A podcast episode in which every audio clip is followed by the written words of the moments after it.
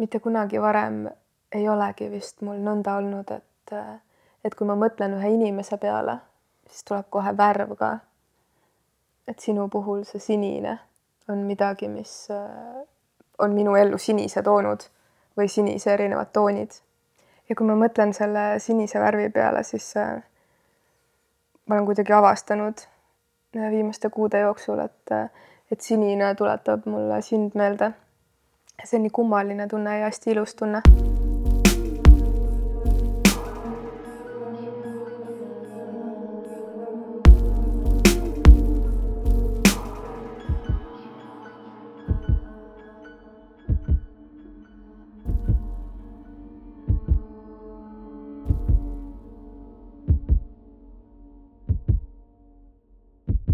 kas sa tunned, et see on kuidagi aus ja õige, et sinisega saab sind seostada?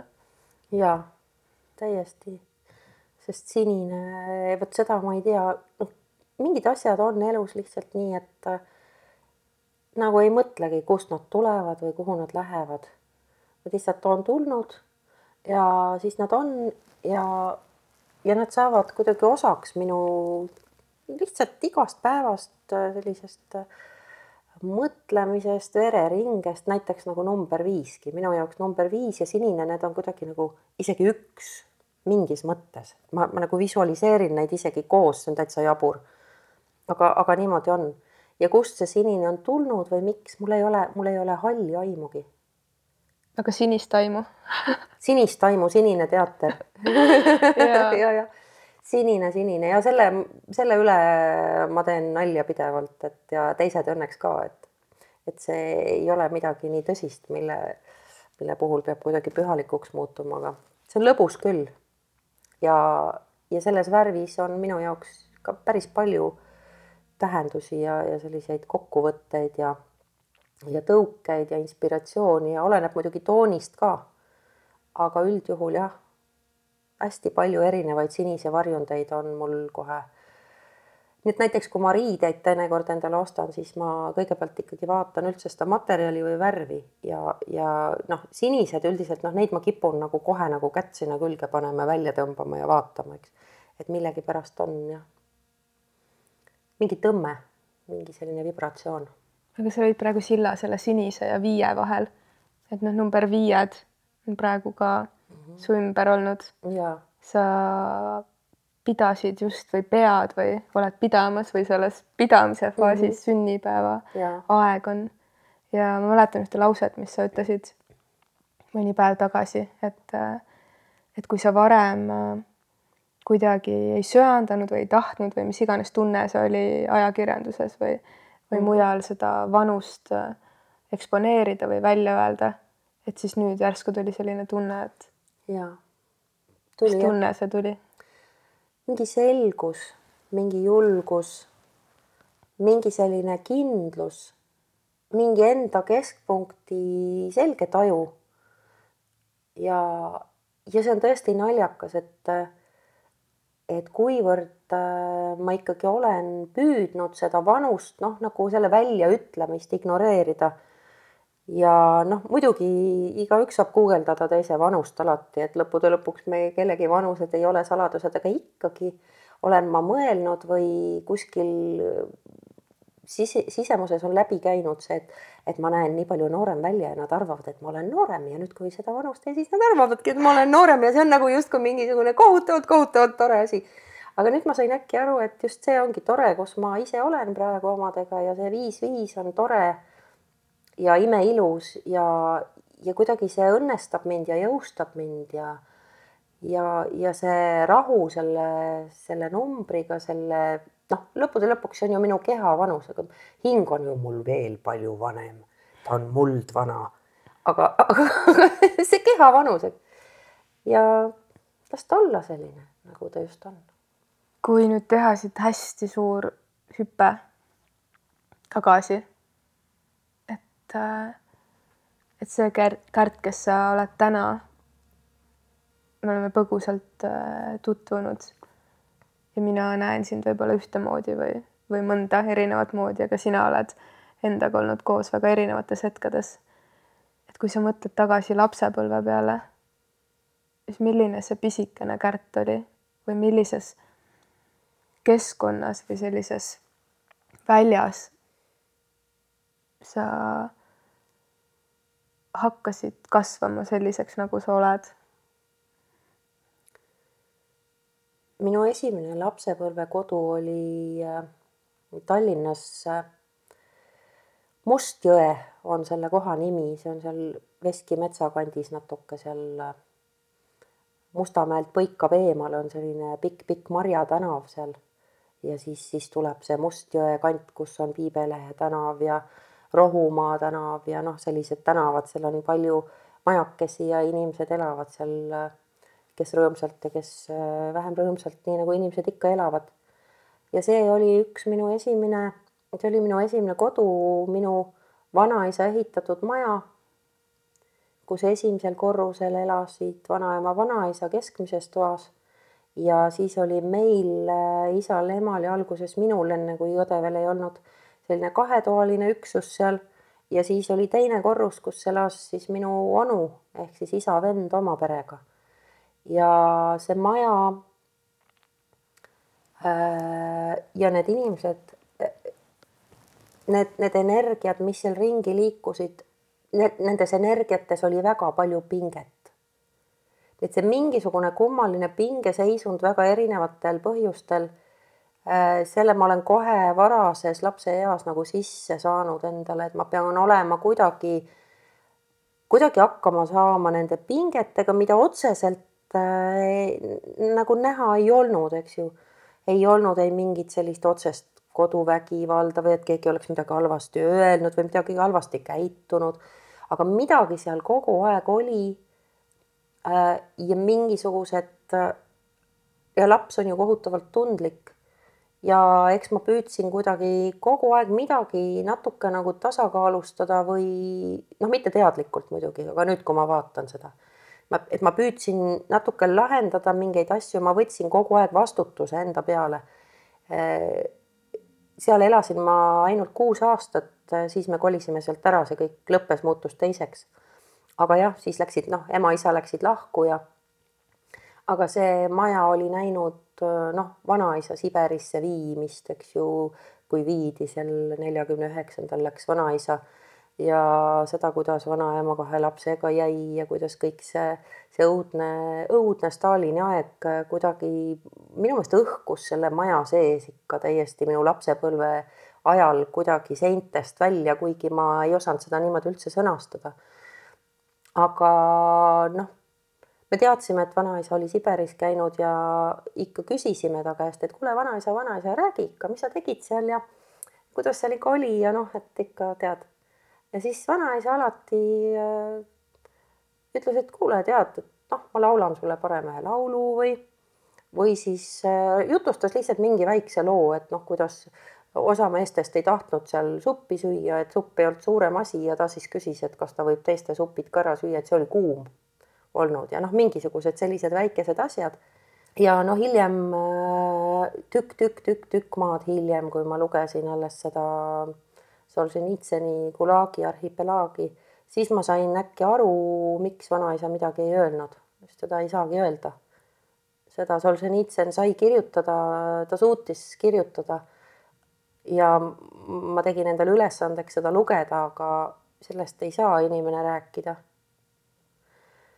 ja noh, see on, see on nagu üks aspekt, aga seal oli, seal majas oli veel palju teisi aspekte ja oli ka muidugi tohutult palju huumorit, sellepärast et kui ma seda maja mõnikord nüüd, nüüd hiljem olen vaadanud, lihtsalt sealt mööda sõitnud, peatunud, siis ma olen ikka itsitanud, et selles majas ei ole vist ühtegi akent ei esimesel ega teisel korrusel, kust keegi pole kas välja hüpanud või kukkunud või, või ma ei tea, olgu esimene või teine, olgu ükskõik milline aken sest selles majas äh, võeti napsu päris palju ja noh, sellel napsul nagu mingisuguseid selliseid noh, fataalseid tagajärgi ei olnud, et lapsed olid alati hoitud ja kasitud ja söönud ja kõik oli hästi ja noh, vanaema, vanaisa meil olid ikka täitsa karsklased, aga aga minu isa armastas napsu ja minu onu pere armastas väga napsu, et ja, ja pluss need külalised, kes käisid äh,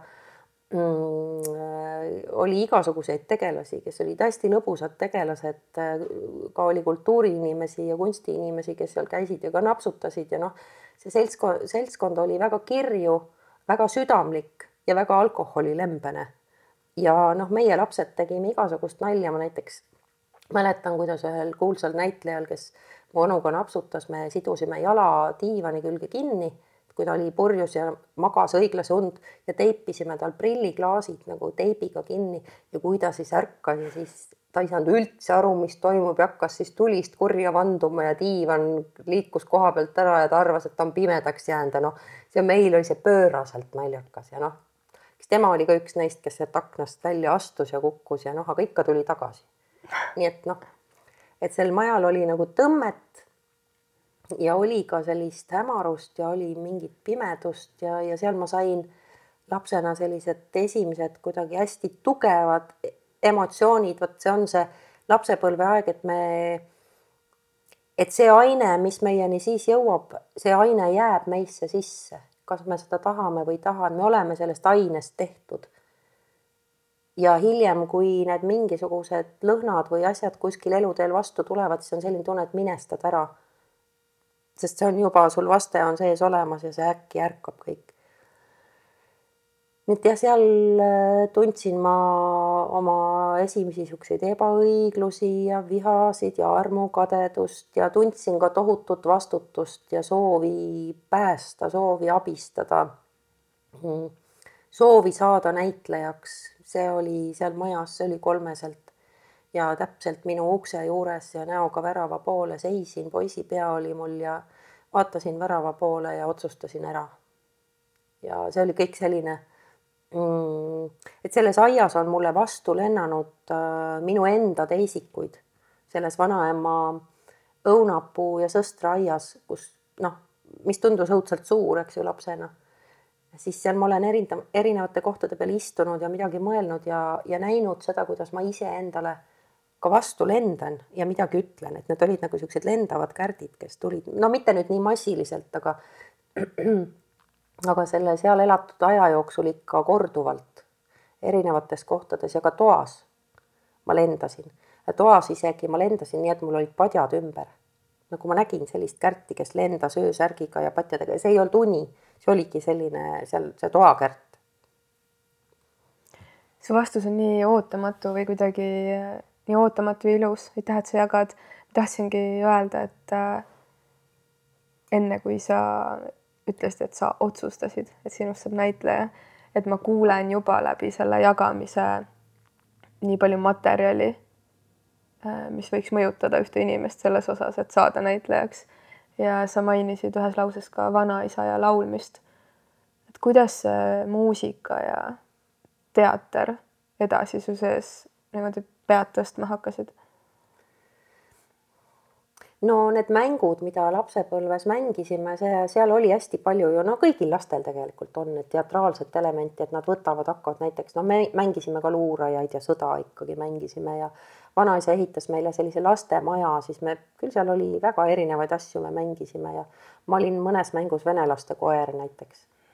ja noh, kui oli luuramine, et noh, sellised rollid olid et ma lihtsalt mäletan seda mm. -hmm. ja noh, see, see oli niisugune auväärne roll äh, olla, sest siis oli see neli tankisti ja koer äh, ja, ja siis olla venelaste koer, noh, seal mängus see oli, see oli niisugune lahe, noh, sai, sai teha nagu mingeid koera asju ja ja väga vahva oli ja siis, siis noh, eks seal äh, ja siis see suur lastekamp, kes seal ringi jooksis ja kõik oli ju lukust lahti, kõik heinamaa ümbruse äh, majad ja need vanad mingisugused tehaste õued ja kõik igale poole me ju läksime ja uuristasime endale oma koopaid ja värke ja noh, see meie mängumaa oli lihtsalt tohutult suur, lõpmatu. ja noh, need niidud ja, ja, ja kõik see, kõik need võimalused ja raudtee ja, ja see saladuslik veskimets seal eemal, millega olid seotud omad asjad sest minu isa näiteks oli võrratu lugude jutustaja. Äh, ta võis iga hetk rääkida, noh, ma ei tea, millise loo, kõik olid need põnevad ja ta tegi hääli nendes lugudes ja tal oli väga võimas, ilus hääl, selline noh, bassbariton, selline hästi sugereeriv. ja noh, see oli ülim äh, uhkuse allikas mulle ka edaspidi, kui juba isa-ema olid lahus ja meie elasime Keilas. Kui isa tuli mõnele mu sünnipäevale vahel, kui ta jõudis, siis äh, me kustutasime minu toas äh, tule ära ja ja kõik lapsed siis äh, ronisid voodi peale ja tõmbasime veel tekid endale niimoodi üle ja siis isa hakkas rääkima sellise häälega nagu mingit enda välja mõeldud lugu. ja siis ta tegi seal selliseid äkilisi asju nagu natuke õudukaid ja siis kuidas, millise naudingu ja sellise õndsusega me karjusime nende, nende õudsate hetkede käes ja kuidas me ainult tahtsime, et see kunagi ei lõpeks, sest noh, see oli lihtsalt nii põnev maailm. ja minu onu Villu Äh, tema lausa lõpetas äh, Eesti, ähm, ma ei teagi nüüd täpset nimetust, igal juhul filmistuudio, Tallinna filmistuudio, nii et tema oligi mingis mõttes diplomeeritud näitleja täiesti.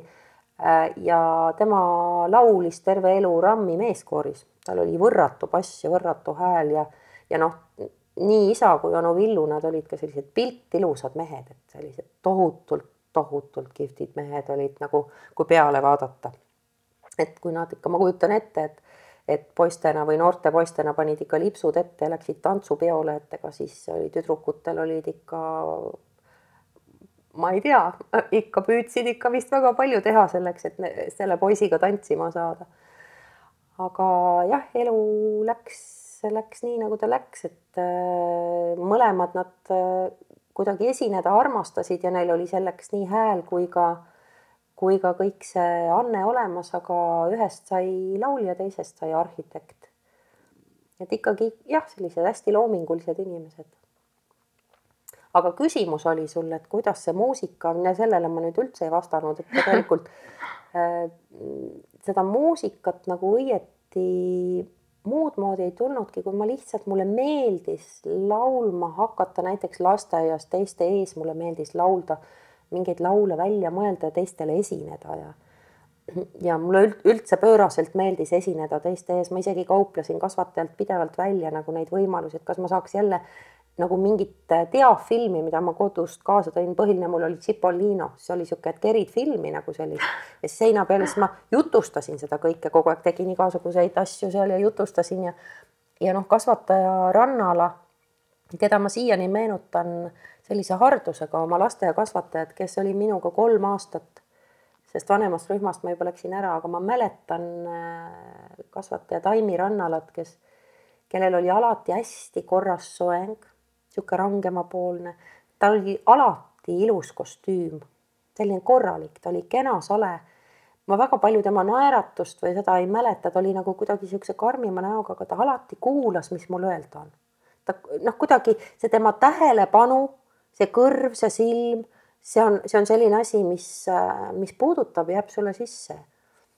ja, ja mis õpetab kogu aeg.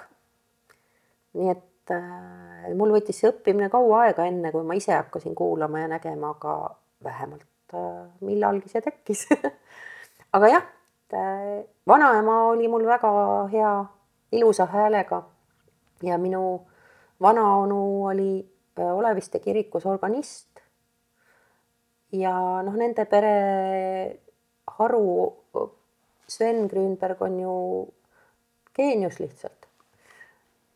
et see muusika meil kuidagi, kuidagi on ja mul õel on hästi ilus hääl, ema on terve elu laulnud, et kuidagi see laulmine meil tegelikult on ikka selline hästi omane. aga lauljaid on palju äh,, muusikuid või nii-öelda lihtsalt öeldes pillimängijaid on palju, selliseid lauljaid, kes ise tekste loovad on vähem. kuidas need tekstid või sõnumid, millal hakkasid läbi tulema või, või millisel moel või kui sa said aru, et, et noh, sa tegelikult juba ütlesid, et lapsena sa laulsid ise oma tehtud laule, onju. aga kuidagi, et, et tulid kuskilt, ma ei tea, kust mingid sõnad, sõnumid ja muutusid lauludeks. millal see hakkas juhtuma? see, et tulevad lausa sellised äh, laulutekstid niimoodi ise see hakkas juhtuma ikkagi keskkooli ajal. Äh, varem oli niimoodi, et äh, ma ikkagi mõtlesin välja neid tekste. noh, et ma ikkagi hakkasin neid tekste nagu kuidagi kohe mõtlesin, kuidas ikka riimi läheks ja mida ma nüüd tahan ja noh, meil oli kooli ajal hästi tore klass ja klassijuhatajad, et me tegime selliseid nääri-show sid, mis oli muidu nagu abituuriumi privileeg, aga meie otsustasime, et me hakkame kuuendas juba sellega pihta ja noh, vaatame siis, kaua me jõuame ja võib-olla, mis me varasemalt tegime seal kuuendas-seitsmendas klassis, need olidki sellised lahedad nääri-show'd ja ja kui tuli lõpuklass, siis enam nii lahe ei olnudki, me olime nagu natuke maha käinud vist. aga sinna nendesse nääri-show desse, noh, no ma kujutan ette, et eks ma olin päris õudne tüdruk siis selles mõttes, et ma ei lasknud lihtsalt kellelgi vist midagi teha, ma arvan, et just nii see oli, et ma mul oli hirm, et äkki keegi teine teeb midagi ära, mida ma ise võiksin teha ja, ja ma arvan, et ma olin hästi domineeriv ja selline, selline jube pioneer, milles oli kindlasti head ja toredat ja innustavat, aga ma kujutan ette, et see ikka võis olla tõesti, et noh, sest ma mäletan, et mingi nääri show, mida me tegime, seal oli selline mm, mingisugune kuninganna, mida loomulikult mina ka veel mängisin ise Äh, kandes ema veel seda mm, mingisugust kunstsiidist kostüümi, mille ta oli oma ansambli jaoks nagu õmmelnud endale, siis ma käärisin neid seal üles, see oli väga kummaline. kuninganna, kellel oli mingisugune imelik sihuke läikiv natuke selline pükskostüüm ja mul oli poisi peas, ma panin lihtsalt mingi lille sinna juustesse, nagu tegin mingeid tantse ja ma tahtsin ka kõik tantsud ise luua, siis lõpuks mul pinginaaber, kes oli hästi hea tantsija ja peotantsija veel ka, tuli, ütles mulle, et kui mina karjusin, et nüüd hakkame tantsuproovi tegema, siis Ilo tuli ja ütles, et kuule, meil on need tantsud juba tehtud. siis ma mäletan, et see oli nagu selline, et vau, et te läksite minust mööda, et ma ei saanudki tantsu teha, aga noh, tuli ka mingi kergendus, et oh, jumal tänatud, et ma ei peagi nüüd tegema neid tantse nii et jah, äh, oli mingi tohutu vajadus pidevalt ennast kehtestada ja tõestada ja, ja olla kõiges kuidagi kõige parem ja noh, et need laulutekstid sel ajal olid ka just täpselt sellised, et need tuli teha, tuli luua. meloodiad võib-olla tulid ikkagi kuidagi iseenesest rohkem, aga ma neid ka siis ikkagi mõtlesin välja, ma mäletan. ja siis sellised päris see looming ähm, kus enam ei olnud sellist mõt-, väljamõtlemist, vot jah, see hakkas keskkooli ajal, hakkas äkki tulema neid esimesi välgatusi, et lihtsalt nagu hakati andma mingeid asju.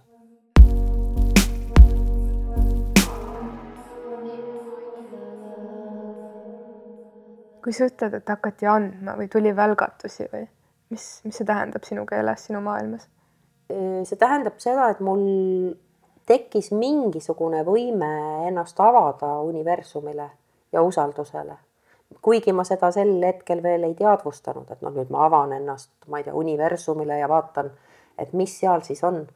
aga noh, saatuse vastu ei saa, mina olen selline saatuse usku täiesti või noh, et see on lihtsalt nii, et see, mis sinu kaudu siia ilma peab tulema, see tuleb ja minu kaudu peavad äh, mingisugused äh, mõtted ja, ja asjad ja, ja vibratsioonid siia tulema. ja sellest hakati mulle lihtsalt märku andma vaikselt, et, äh, et ma ka hakkaksin nagu kuulama teistmoodi, sest kui kuulata ei oska, siis ei tule ju midagi. aga noh, see võttis veel ikka aega, ikka veel mitu aastat, enne kui hakkas päriselt niimoodi looming tulema, et lihtsalt nagu sõltumata minu sellisest äh, noh, oskusest näiteks, sest ma ei oska komponeerida või ma, ma ei ole selline, kes hakkab mõtlema kuidagi, et kuidas see laulu meloodia võiks minna või millest see laul üldse võiks olla või äh, et ainult üks asi, mida ma olen tähele pannud, et ikkagi äh, on tarvis enamasti, on see, et ma ikkagi klaveri juurde läheksin. no see on see, keegi tark inimene on öelnud, et et ega geenius ju iga päev läbi ei astu, eks. aga, aga siis, kui ta, kui sa, kui ta astub, siis pead sina kohal vähemalt olema, eks. et sellest ma olen aru saanud, et aeg-ajalt ikkagi tasuks sinna klaveri juurde minna ja, ja lihtsalt seal istuda ja võib-olla vaadata, et kas noh, kuskilt midagi hakkab kõnetama, eks, kust midagi hakkab hargnema. tihtilugu ju ei hargne. no siis mõnikord noh, tuleb niisugune mats lihtsalt nagu, nagu täismats ja, ja see ei ole selles mõttes looming, et ma ju ei jah, et, et mul ei, mul puudub oskus komponeerida, et see lihtsalt läheb, läheb sõitma, sest üldiselt äh, valdavas osas need tekstid ka lihtsalt tulevad siis. Ja mõnikord ma pean, noh, vaatan, et liiga lühike on näiteks, mõtlen, et ma tahaks kauem nagu olla selles, siis, siis ma vaatan, et kas seal äkki on veel midagi nagu jäänud kuskil ripakil ja, ja nagu võib-olla pingutan natuke rohkem, et, et seda lõpule viia, vahel ei tulegi mitte midagi sinna juurde ja siis ongi niimoodi, et, et äh, ongi reakene ja siis tuleb seda reakest äh, korrata või siis ka mitte. see, mis äh, sa praegu kirjeldasid ennast või seda loomist võtab minu jaoks kuidagi kokku nüansi, nüanss kõlab nii väikselt, aga, aga, aga, aga selle fakti, et minu jaoks Kärt Tomingas on täiesti žanr omaette, et äh, kui ma kuidagi kuskil peaksin sind kuskile sobitama või piiritlema või, või millegi alla panema, siis ma ei saaks teha seda. et mis muusikat ta täpselt siis teeb või või et, et mis see täpselt on, et mhm. see Kärt Tomingas ja tema looming, sinu looming on lihtsalt täiesti omaette žanr ja ja võib-olla kui ma ei mõtle puhtalt su isiku peale või, või meie tutvuse peale, siis, siis see artist sellisena pakub mulle kõige rohkem huvi just seetõttu, et, et et see on midagi sellist, mida ma ei ole varem kogenud. muide, mis sa arvad äh,, äh, mis on minu esimene mälestus sinust? nii, no mõtleme, et kui vana siis sina oled ja et mis see võiks üldsegi olla? ma olen selles vanuses, kes ei taha oma vanust avaldada ja küll see, küll see möödub. aga, või siis ka mitte aga ma ei, isegi ei tea äh,, mis see võib olla. võib-olla see ansambel Park ikkagi äkki või? mul on lihtsalt või... konkreetselt sellest äh, vanade armastuskirjade filmist äh, Muinaslugu muusikas mm, -hmm. kus äh, kui ma mõtlen selle peale tagasi, siis äh, see oli mingi selline hetk, kus nimi Kärt Tomingas kuidagi salvestus minu teadvusesse ja ma olin seal äkki, kui ma nägin seda, ma ei tea, kaksteist või midagi sellist võib-olla. ja ma mäletan seda tunnet, et ma mõtlesin, ma ei ole kunagi elu sees nii ilusat naist näinud. Kuidagi ja pärast seda ma lihtsalt olen kuidagi, see Kärt Tomingas on minu jaoks kuskil mu väljas olnud. ja ja siis kõik su hääl seal, kõik su olemine ja siis mingi seletamatu miski kuidagi puudutas mind. aitäh nende heade sõnade eest, alati on hea kuulda. noh, kui kedagi on puudutanud. see, mina olen ka nii tänulik Mati Põldrele, et ta selle rolli mulle pakkus ja, ja mulle see tõesti, mul on hea meel selle üle, et ma sain osaleda selles filmis. ma ei oskagi öelda, mis seal, mis seal on sellist, mis mulle nii tähtis on, aga midagi on. Kõik see taustsüsteem ja mu enda, kus ma ise parasjagu oma eluga olin ja ja see Mati Põldre kuju ja see Lilian Põldre ja nii palju neid häid ja toetavaid inimesi selle filmi tegemise juures. pluss veel see tore või selline, kas ta nüüd nii tore fakt on, et et esimene suvi, kui me seda filmisime, suur osa oli Saaremaa kuursaalis seal Kuressaares. ja mina ootasin oma esimest last seal ja noh, sellega oli siis natuke jahmerdamist, et noh, et ikkagi saaks nagu teha, teha neid, need võtted ära ja äh, need suvevõtted ja siis selgus, et kogu see materjal oli praak et see filmilint oli kuidagi ülevalgustatud või ei, no mingi jama ühesõnaga, nii et kõik see läks prügikasti ja järgmisel suvel me tegime sedasama uuesti, aga noh, siis mul oli juba laps sündinud ja kõik oli palju lihtsam mingis mõttes. aga, aga see fakt ka jah, sinna juurde, et kaks korda tegime nagu väga suurt juppi filmist. see on huvitav lihtsalt mm. -hmm. ja toredad, toredad partnerid ja palju, palju rõõmu oli selle filmi tegemisega. Need vanad armastuskirjad, kuidagi sinu tekstidest äh, kõlab ka nii palju armastuse erinevaid äh, varjundeid läbi. mis äh, see on alati niisugune pomm, on ju, aga mis see armastus on sinu jaoks? nii suur küsimus. seda ei teagi, kas küsida alguses, lõpus, mitte küsida, küsida kogu aeg. aga mis, mis see armastus on sinu jaoks? oma sinna äh, artistilehele, kuhu noh, pannakse mingi lause või et noh, mis sul on selline moto, sinna ma kirjutasin, armastus on tegu ja sellest ma sain aru tänu sellele, kuidas mul isaga on elus olnud.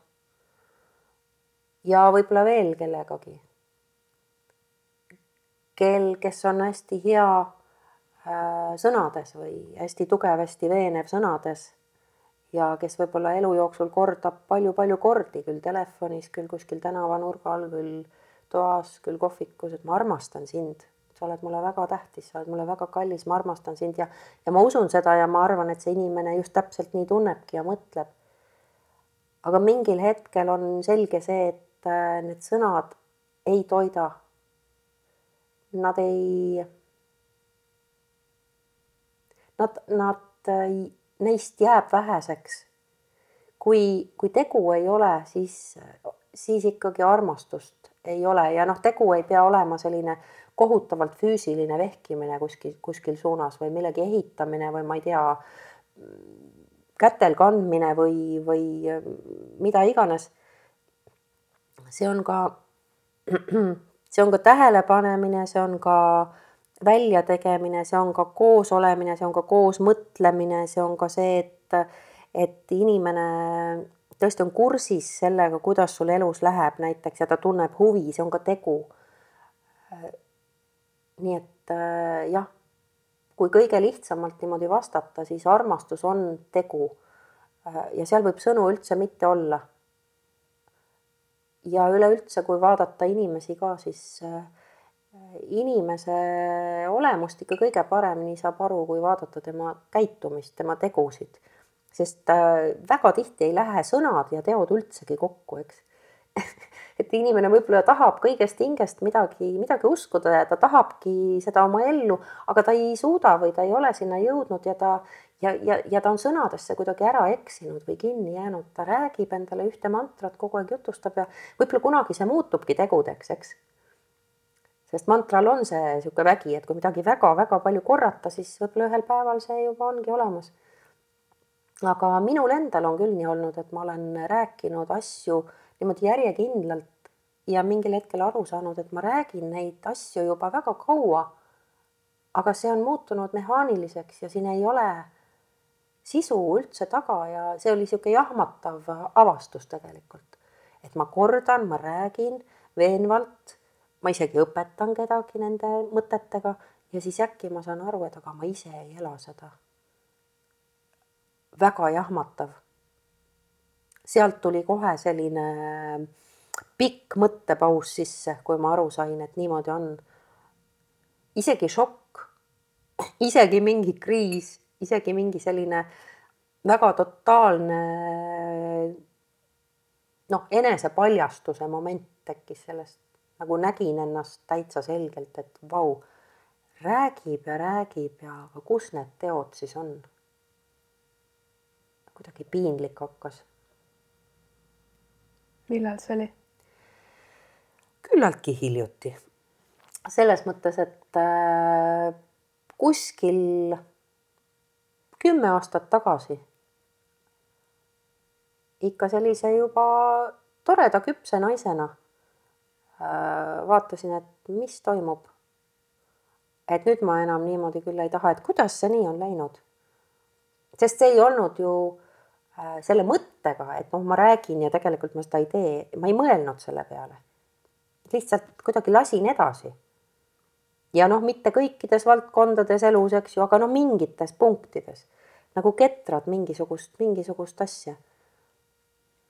ja siis, siis muidugi jälle tekkis täitsa uus selline hingamine ja, ja energiat vallandus kõvasti.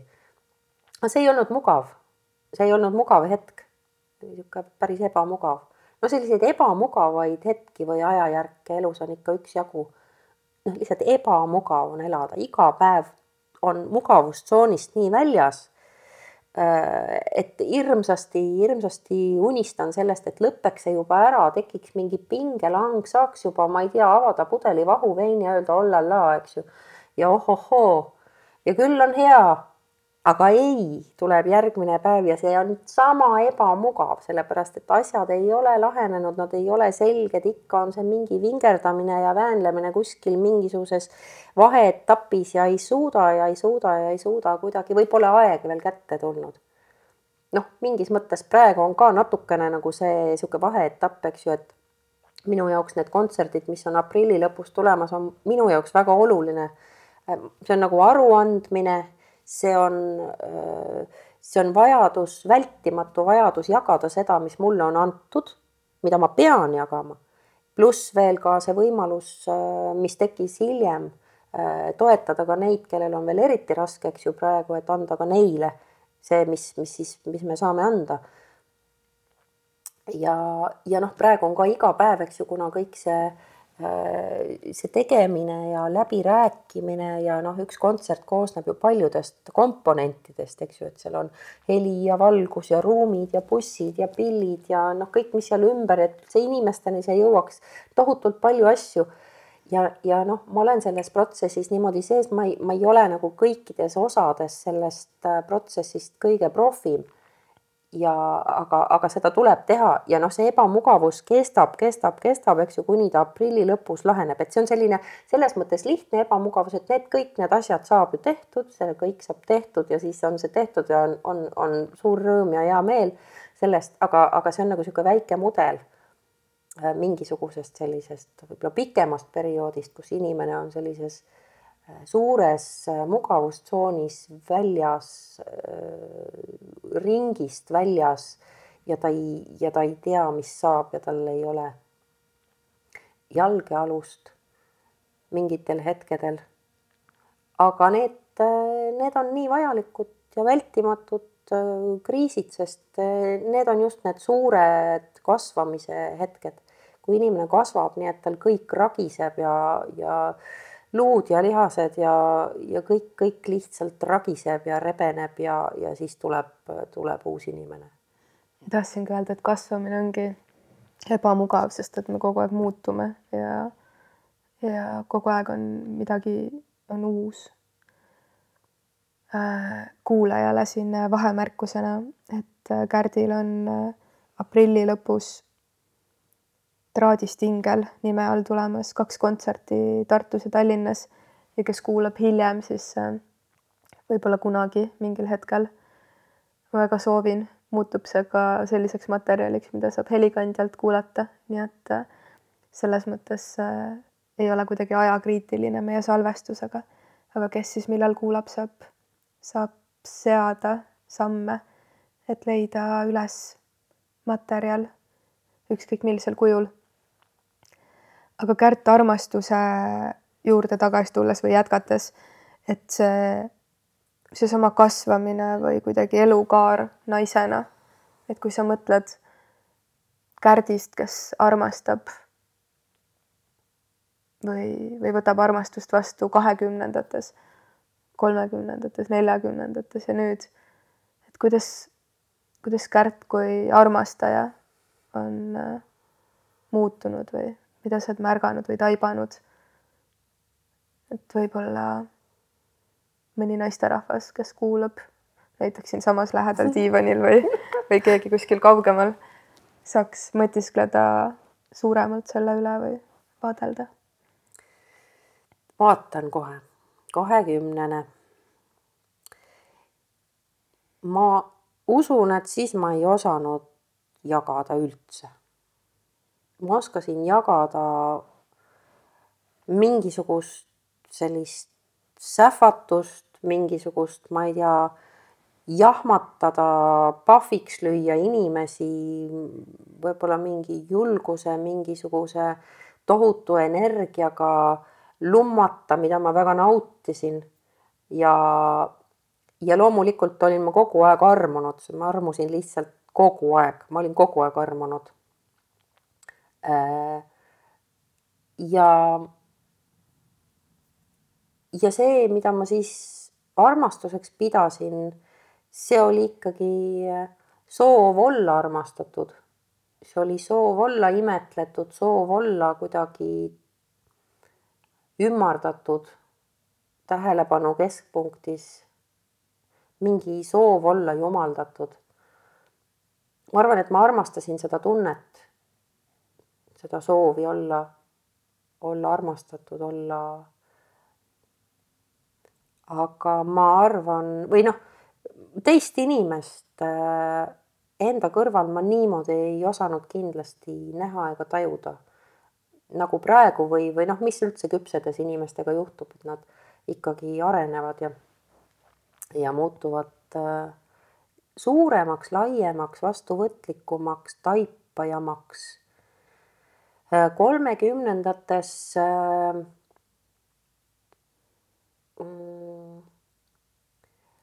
võib-olla ei, võib-olla mul ei olnud enam tarvis mm, nagu nii palju jahmatada või noh, kuidagi.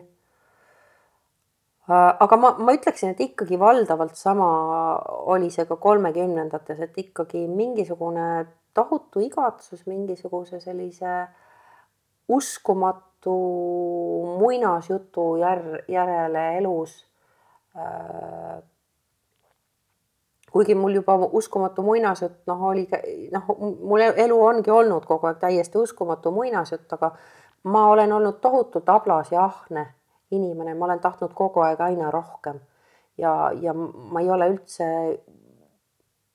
noh, osanud peatuda kuni mingi hetkeni neil äh, asjadel või neil hetkel, mil kõik see on.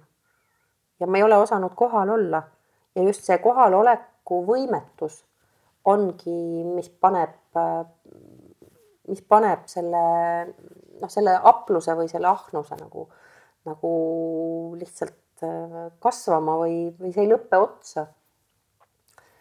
Äh, neljakümneselt äh, ma, ma hakkasin endale sõnastama ja ja aru saama sellest äh, päriselt, et kui ma tahan tunda sellist tulvil olekut ja täitumist suhtes, paari suhtes,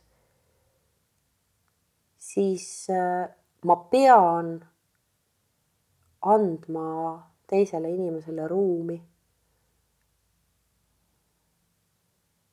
ja see ei ole minu jaoks kerge olnud. see ruumi andmine. sest see intensiivsus, mis, millega mina olen sündinud, me kõik sünnime mingi intensiivsuse astmega, lihtsalt see, see ei ole meie teha, me lihtsalt saame selle. aga et mis me sellega teeme, eks, see on küsimus. Et see minu intensiivsus väga paljuski äh, on läinud äh, sellise noh, nagu egotripi peale ära. Et vaadake mind, kuul-, kuulake mind, mina, mina, mina, mina, minu Anne, minu see, minu teine, minu kolmas, kas te näete mind, kus, mis, aga mina, kõik see. Ja see kestis ikka õudselt kaua. see niisugune raugematu egotripp ja, ja siis äh, võib-olla neljakümnendates tõesti hakkaski see, et äh, vau, et tegelikult on nii palju asju, millest mul tuleb lahti lasta, kui ma tahan olla lihtsalt inimlikult õnnelik ja mis ei anna mulle mitte midagi, mis ainult kurnavad ja viivad mind kuskile sellisesse tumedasse kohta, sellisesse halba tumedasse kohta. ja siis hakkas see selline, ma mäletan, et et üks hetk ma jooksin äh, Mardil õue meie maakohas ja seal aida ees, kus ongi, mis on nüüd mu lauludes ka sees kõik see, et traadist ingel aida ees ja noh, lihtsalt anti niisugune tekst, et sealsamas aida ees ma kukkusin lihtsalt äh, põlvili ja, ja palusin, palusin, et ma saaksin nägijaks selles suhtes, et,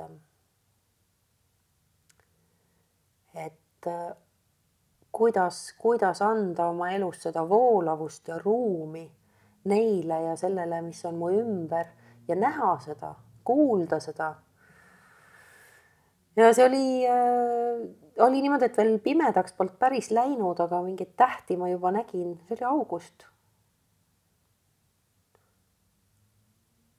Ja, ja siis tuli niisugune suur tuul ja see oli nii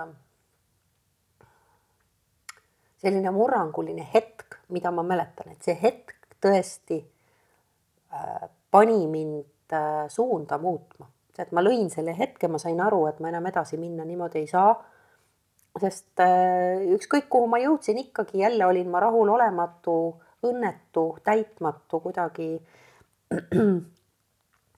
ja need, see kogu aeg kordus, eks ju, see muster kordus, kordus, kordus, ma hakkasin mõtlema, kuidas ma sealt ringist välja saan. et peab olema ju võimalik ringist välja saada, eks. ja see oli mulle päris raske aga siis, siis mingil hetkel hakkas juba noorem tütar ka ütlema, et kuule ema, et ma vaatan, et sa oled muutunud. sa teed teistmoodi, et väga lahe on. Et sa juba teedki täitsa, et enam seda ei ole, seda ei ole, seda mustrit ei ole. nii et tema juba tajus ja nägi seda kõrvalt, järelikult tegu oli juba, et ma, ma hakkasin tegusid tegema, eks. ja noh, ja armastus on tegu et võib-olla, äh, võib-olla kui elaks üksinda, siis, siis oleks see tulnud teisel ajal või teistmoodi, aga ma arvan, ta oleks ikkagi tulnud kuskilt. Aga jah, selline pikk jutt.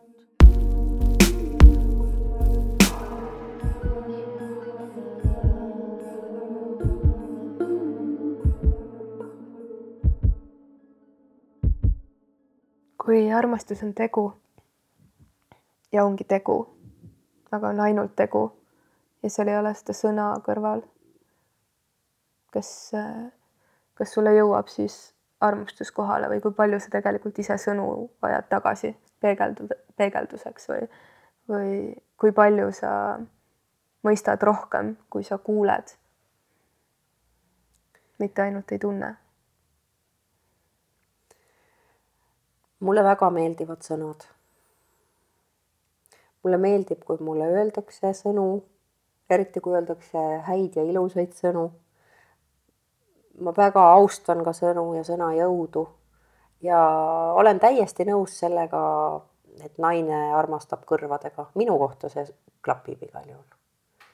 aga ma suhtun sellesse huumoriga. sellepärast, et äh, minu elutee kaaslane. ma ei ütleks, et ta just eriline jutumees on. aga mingi pilk ja mingisugune hetk, isegi kui seda ei ole kogu aeg või noh, lihtsalt päevad on kiired ja seda ei märka, aga mingil hetkel ma jälle näen seda pilku või seda mingisugust väikest žesti või nagu mingi seda, mingisugust väikest detaili ja noh, seal on kõik see miljon sõna sees, eks ju. ja, ja see toidab hinge ja see, see, see lihtsalt ongi õnn ja armastus nii et, et võib nii ja võib naa. et sõnad mulle meeldivad, eriti eesti keeles, mulle lihtsalt üldse eesti keel, ma olen eesti keele sõltlane, ma võin seda öelda. aga saab saab ka ilma ja, ja no loomulikult, kui me ei tõlgi oma tundeid sõnadesse, siis, siis on, on seda tunnet rohkem või siis ta on suurem, et sõna on alati tõlge. selle asja tõlge, mis sul sees on. Ja siis paned ta sõnadesse, tekib selline psühhofüüsiline või selline psühholingvistiline moment, eks ju, et mingi tunne hakkab seest välja tulema ja kusagil sellel teekonnal sa valid mingid sõnad ja paned ta sinna, et, et see on, see on tõesti nagu, ma ei tea, pilve purki surumine või, või nagu midagi sellist umbes. äh, hästi huvitav protsess ja, ja ja minu meelest on ülimalt tore ikkagi ja, ja kosutav lugeda või kuulata inimesi, kes on osavad sõnaseadjad, noh näiteks kui ma loen Remarki, olgugi et noh, tõlkes, siis ma mõnikord panen selle raamatu lihtsalt põlvede peale ja mõtlen, kuidas see on võimalik. et ta, ta räägib näiteks, ma ei tea, esimesest maailmasõjast, seal kirjeldab kõige hullemaid asju, mida saab kirjeldada ja see on muusika. ja, ja, ja see heliseb et noh, see on, see on niisugune geeniuse või noh, see on, mis antakse, eks, või, või loen äh, Viivi Luige mm, varjuteater oli see vist, noh, tal on muid ka, aga, aga lihtsalt suvalised näited praegu. et nagu hakkasin lugema seda, seda Varjuteatrit nagu esimesel leheküljel, ma tunnen, et nagu ta kirjeldab, eks ju, mingeid rinnakorvi ja loomavaguneid, kuidas inimesi Siberisse viidi. Ja kõik see heliseb, see on muusika ja noh, meil on Eestis neid kirjanikke ja luuletajaid noh, tohutult palju. et, et see on niisugune geeniuste maa selles mõttes, sõna, sõnade mõttes, sõna seadmise mõttes. inimesed oskavad, paljud inimesed oskavad tõlkida enda sisemust ikka väga täpselt sõnadesse, nii et võib-olla see pilv ei peagi purki minema, aga noh, et ta on isegi suurem, tunduvalt suurem anum, et see pilv saab ikka pilveks jääda sa mainisid oma eluteekaaslast ja enne ütlesid veel, et, et sul on olnud keeruline mingis vanuses või etapis äh, kuidagi ruumi anda või vabaks lasta. kas sina oled suhtes saanud olla vaba ja luua ja toetatud sellisena, nagu sa oled ja kogeda seda, mida sa vajad, et, et sa saaksid aina enam kärdiks kasvada? täielikult täielikult. see on uskumatu, kuidas, kuidas mind on toetatud ja hoitud ja, ja antud kõik võimalused, kõik aeg, kõik, mis iganes, et ma saaksin luua ja teha ja olla ja minna ja, ja ma ei tea no mitte ühtegi, mitte ühtegi takistust, mitte ühtegi etteheidet, mitte ühtegi püüet, ma ei tea, mind tagasi hoida näiteks, noh. et see on vapustav, kui ma sellele mõtlen tõesti, ma ei ole sellele nii, niimoodi mõelnud, ma tean seda kogu aeg, aga noh, nüüd ma vaatasin seda uuesti niimoodi nagu algusest peale lihtsalt vaatasin. ja, ja see on lihtsalt, lihtsalt täielik vabadus, mis mulle on antud ja toetus, mitte ainult vabadus, mine tee, mine ole ei, muidugi sa pead minema, muidugi, ah soo, jaa, loomulikult. ja see on ime. minu jaoks on see ime, aga see on selline tavaline ime, mida, mida ma ei ole osanud äh, iga päev niimoodi näha. aga nüüd küll äh, alates sellest äh, sellest äh, tuulehiilist seal äh, Mardi aida ees, kui ma palusin, et ma saaksin laiemalt vaatama hakata ja kuulama hakata. alates sellest hetkest ma ikkagi oskan nüüd väärtustada ja, ja kohal olla selles elus ja selles tohutus privile-, priviligeeritud äh, argipäevas, mis mulle on antud. nii et ma olen tõesti lõpmata tänulik olen kuulnud sind ütlemas, et, äh, et su kaaslane on äh, lihtsalt maailma kõige ilusam inimene, kõige, kõige toetavam.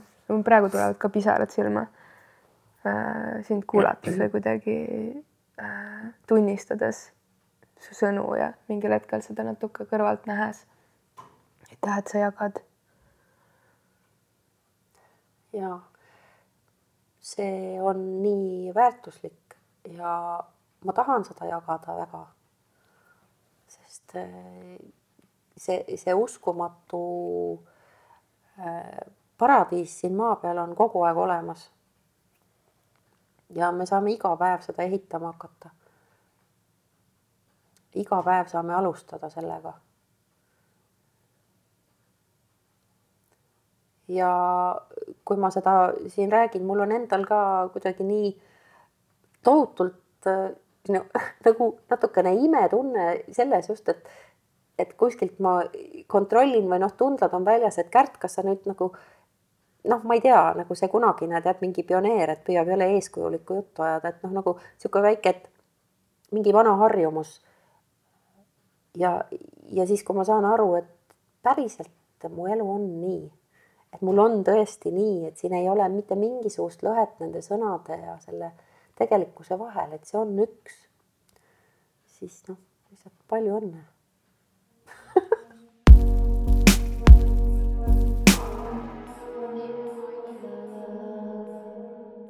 meil on äh, saates alati üks moment, kui see mahub sinna, kus, äh, kus me küsime, et äh, mis on sinu esimene mälestus seoses armastusega, siis mis sa vastad? jäin mõtlema. järelikult see ei ole nii lihtne või selline tunne on nagu ei olegi esimest momenti. mul ei ole äratundmist selles suhtes, et mul oleks esimene moment, kus ma teadvustan. See jällegi see vanaema, see õunapuaed või see, kus oli palju neid põõsaid ja ja, ja seal ma jalutasin ringi ju, kui ma olin kolmene ja siis õde veel ei olnud. Ja ma mäletan äh, seda, mille üle ma vahel, no kuidas see nüüd täpselt oli, eks ma ei suuda öelda, aga mis, mis mälestus mul on sellest jäänud, et ma kuskil istusin näiteks mingi põõsa all, see oli valgesõstra põõsast, mulle maitsesid valged sõstrad kõige rohkem. ja siis ma tundsin, kuidas ma vastutan kõige eest. ja see oli minu meelest noh, et kui nüüd sellist suurt tunnet otsida, kus oli kõik kätketud nagu kokku siis see, see oligi see taju, et, et ma pean kõige, et mina, mina vastutan. noh, noh kõige eest, ma kuidagi tajusin nagu tervet maailma, äh, mida ma suutsin, siis see, see isegi ei olnud visuaalne selles mõttes, et ma ei näinud mingit maakera või mingit, kuidagi ma lihtsalt tajusin sellist lõpmatut, lõpmatut hulka äh, elavat energiat ja see oligi sinine värv tegelikult, kuidas ma seda nägin, nagu sellise sinise värvi nagu taevana nagu mingi selline. Ja siis ma tundsin, kuidas mul õlad natukene läksid niimoodi noh, nagu oleks midagi nagu õlgadele pandud, et ma nagu, nagu tundsin, et jah, mina pean selle eest vastutama, et sellega oleks korras, see ei olnud, see ei läinud kaugemale. aga, aga just see taju ja see selline vastutuse taju see, see on olnud siis kogu aeg kuidagi sealt sellest õunapuiast ja ma taha, tahaksin väga öelda, et see on esimene armastus ka. Nagu elava vastu või elava suhtes. seda ma muidugi nüüd tõlgendan, eks, aga, aga noh, ma ei ole niimoodi varem mõelnud selle peale, et millal see oli. kuidagi armastus on kogu aeg olnud, noh, mina ise olengi armastus me kõik, et iga inimene on armastus. Ja, ja kui endaga kokku puutuda, siis, siis ongi hästi huvitav on see, kui mõnikord kellegi inimesega suhelda ja siis jätta kõrvale see, ma olen seda korduvalt proovinud, et näit-, noh, näiteks ta on meessoost, mina olen naissoost, tema on meessoost ja ja ja proovida kõrvale jätta see, see sugu, see keha, kehaline sugu ja vaadata lihtsalt seda hinge. Seal on ka nii noh, eriliselt nagu joonistub välja see ka armastamise võime ja kus, kus lähevad need segavad komponendid ära, see on hästi huvitav äh, katse, et kui palju meid Äh, tõmbab sellest päris armastusest ära keha. noh, tekib teine alatoon, tekib mingisugune muu asi ja, ja see niisugune hinge kokkupuutepunkt kuidagi läheb noh, kaugemaks, et see keha tuleb sinna vahele. ühes äh, su palas tulvavesi on äh, viimane minut tekstiga kas sa peast oskad äh, lausuda seda teksti? ma olen kuidagi soovinud iga sõna püüda, aga pole sellega hakkama saanud. ja ma mõtlesin, et äkki, äkki sa kingid siia salvestuse lõppu need sõnad. ja see on Doris Kareva tekst mm. -hmm. see lihtsalt tuli, kui see laul lõppes, see tekst iseenesest tuli sinna lõppu, ma hakkasin seda lihtsalt rääkima, sest tollel hetkel, kui see laul sündis, olin ma väga raskes kohas omadega. Äh, ja ma olin pähe õppinud mitu Doris Kareva luulekogu kaanest kaaneni, lihtsalt pähe. ja kas see oli nüüd see kuldne väike raamat või hõbedane väike raamat, ma ei mäleta, kumb. ja kas ma seda suudan algusest lõpuni praegu öelda taevaste näoline sina mu üle ja mina kui laiuv maa. tule, kui tahad, kui jõuad, ole. Lahkuda mina ei saa. kuidas küll süttivad, kustuvad tähed õhus ja nimedes. otse kui ohe sa lendu lähed liuglevas pimedas. miski sööstis läbi ruumi.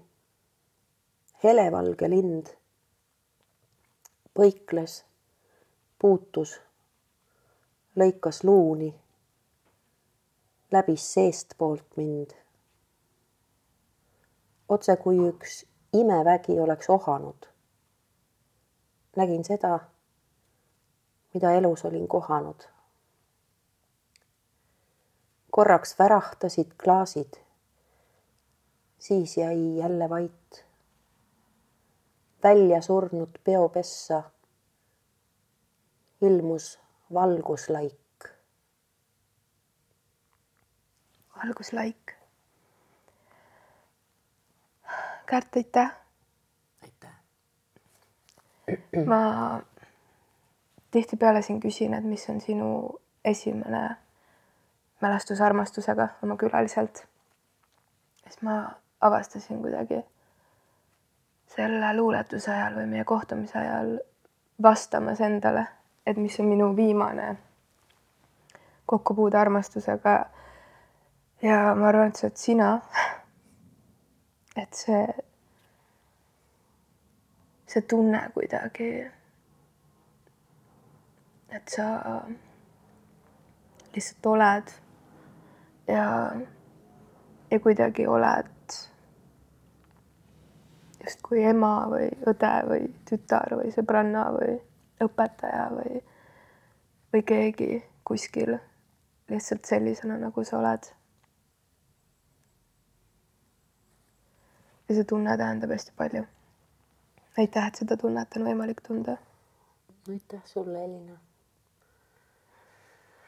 sinu kohta võiks ka igasuguseid, igasuguseid asju öelda ja, ja ma arvan, et või noh, minu mõtted kattuvad sinu mõtetega selles viimases osas väga palju. aitäh, et sa jagasid ennast. aitäh.